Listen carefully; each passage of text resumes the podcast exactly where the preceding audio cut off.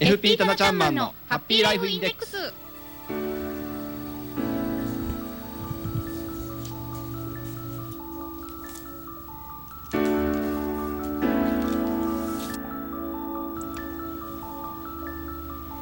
FP タナちゃんマンのハッピーライフインデックス。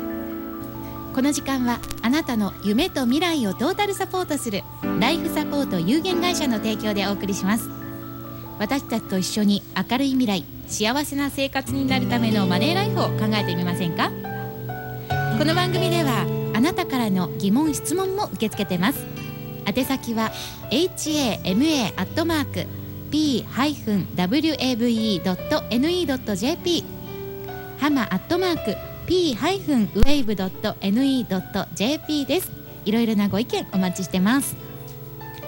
さあそれでは今日も早速一級ファイナンシャルプランニング技能士ライフサポート有限会社代表のタナちゃんマンを呼んでみましょう。皆さんご一緒に。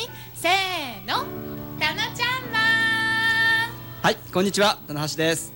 今日もよろしくお願いします、はいこちらこそお願いいたします。今日はなんとなくこの時間いつもよりも早くから賑やかになっているような感じのターミナル内ですよそうね。はい。さあ素敵な笑顔のタナちゃんマンと今日もお送りしていきます、はい。早速今日のテーマを教えてくださ、はいい今日のテーマはですね、えー、老後の資金作りについてお話をしていきたいと思います。ほうほう資金作り老後のためのそういえば先週あの、ね。月亭さんから、はい。ちゃんマンあたりメールも来てましたもんそうですね。ね,、で発泡スチロールさんからね、あの今の若い方はね、はい。あの貯蓄をすごくしていらっしゃるというメールがございましたのでね、ええ。それちょっとちょっとね触れてみたいなと思います。なるほど、はい。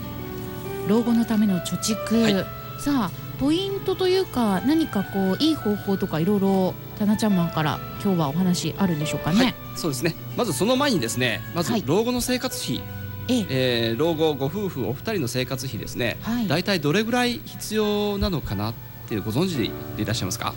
全く見当もつきません。そうですよね。考えたことが そこまであの具体的にないんないでですすよね。そうですよね。うん。あの二人って言ってもあの一人かもしれないし私。ね。はい。えー一般的にですね、えー老後ご夫婦お二人の生活費としてですね、これ、えー生命保険文化センターというところの調査なんですが、はい。えー最低日常生活費最低限の日常生活費としてですね、はい。月々、えー平均で23万2000円必要というふうに、二人で二十三万二千、そうですね。はい、はい、金額が出ております。なるほど、はい。で、えーじゃああといくらあれば余裕がありますかゆとりのある生活を送れますかっていう質問に対してですね、はい。約15万1000円平均であれば、あーゆとりのある生活が送れますよっていうう回答が多かったんですね。ということは、えー、合計で三十八万ちょっと。そうですね。38万3000円ぐらいの、はい。おお金があれば月々の生活が、まあ、ゆとりが出るのかなっていうイメージはい。です。なるほど、はい。ですね。でですね、えーまあ、例えば60歳で定年を迎えられて、えー男性で昭和36年の4月2日以降に生まれた方はですね、えー老齢年金を受け取るのが65歳からになりますので、えー60歳で定年をすると65歳まで5年間、えー無収入の時代があるということになりますよね。そうでねでその間にですね、まあ、ざっくりと月30万の生活費を5年間はい。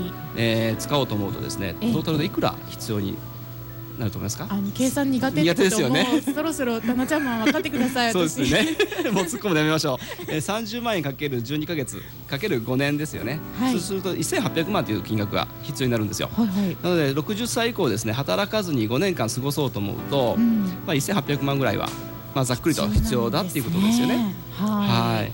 でこの、まあ、じゃあ1800万円を貯めるために、はい。えー毎月いくらぐらい貯金をすればいいのかなというお話なんですが、はいであのー先週ね月手発泡スチロールさんからメールいただいたように若者たちが、えー月5万円以上貯金をしているすごい金額ですねというお話をさせてもらったんですが、やっぱり目的別でね貯蓄をすればいいと思うんですけれども、はい。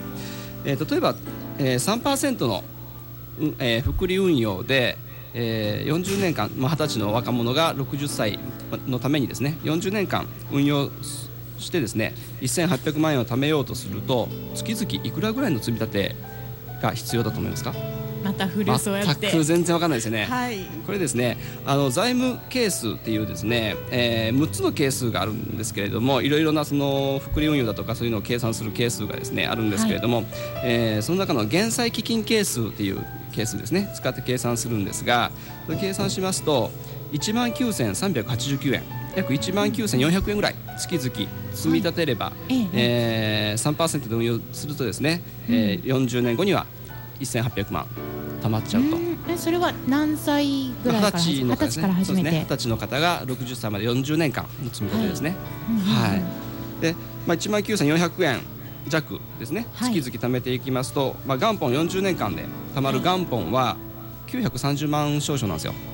930万強のお金が1800万になっちゃうですね。なるほど。ですね。これはまああのよく私がね何度もお話をしてます、福利の効果ですね。福利というすごいあのお金の運用していくで上で、えー、味方になってくるくれる、強い味方であるんですけれども、その福利の効果があこの倍ぐらいのお金にしてくれるということになります。単利と福利とありましたもんね。ねはい、はい。でじゃあ40歳の方ですね、はい、えー、40歳の方が同じく3%で、えー、60歳まで残り20年ですよね、はい、20年間で1800万円貯めようと思うとですね、ええ、月々いくら必要か。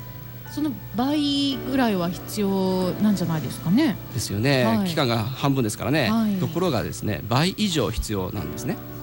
その利率が。そうですね。福利運用の運用される期間が短いもんですから、はい、えー、20歳の方40年間、えー、運用できる方は1万9400円ぐらいでいいものが、はい、えー、40歳の方に、うん、20年間で運用しようと思うと5万4700円ぐらい月々。月々積み立てないといけないですね。それは結構月々の負担が大変ですよね。なりますね。ということでやはり、うん、あの二十歳の方がね若者が老後のためにっていうのはちょっと早すぎるんじゃないかなって思われがちなんですが、はい、えー、例えば月々5万円貯金してるのはそのうち、まあ、1万円とかね1万5千円を老後のためにあと残りをその楽しみのためにという目的別でですね、はい、あの運用するってすごくいいことだと思いますのでねそんなふうに運用していただければなと思いますね。はい今この番組聞いていただいている方は二十歳ぐらいの方もいるかもしれませんけども、はい、30代とか40代ぐらいの方も多いのかなと思うんですが、はい。そね、そんな方はどういうふうにしていくのが一番いいですかね？そうですね。やはりあのーたくさんね積み立てるというのはあれなんですけれども、はい、やっぱり限界があると思いますので、ね、はい、自分できる範囲で、えー、自分に合ったリスクのですね選択をしながらリスクを分散して、えー、積み立てるというのはやっぱり一番効果いいと思いますね。うんうんうんそして目的を初めから、あのタナちゃんマンがお話しいただいているようにそうですね、うん、設定をまず自分なりの目的を、ね、目標を設定するというのが重要なポイントですよね。はいはい。わかりました。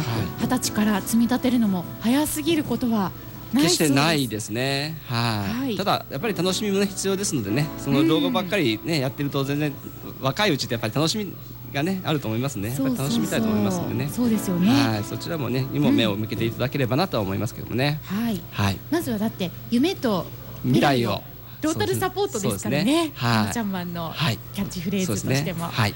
はい、ぜひあの日々の生活もね楽しんでいただきながらというのが、はい、えー、タナちゃんマンのおすすめするライフそしてマネーの運用プランですね。はい、そうですね。はい。はいあまた詳しくはねその個人的ないろいろなご相談などタナちゃんマンにもね、はい、ぜひ、えー、運用方法とかも相談いただくとよりこう、的確な、はい、その方向けのアドバイスもしていただけると思います。すねはい、ライフサポート有限会社は、えー、四日市市の生和町にありますのでぜひ、えー、足を運んでみてください。あの看板も結構目立ちますのでね。ね。はい、ぜひ足を運んでください。電話は三三四の八一一一。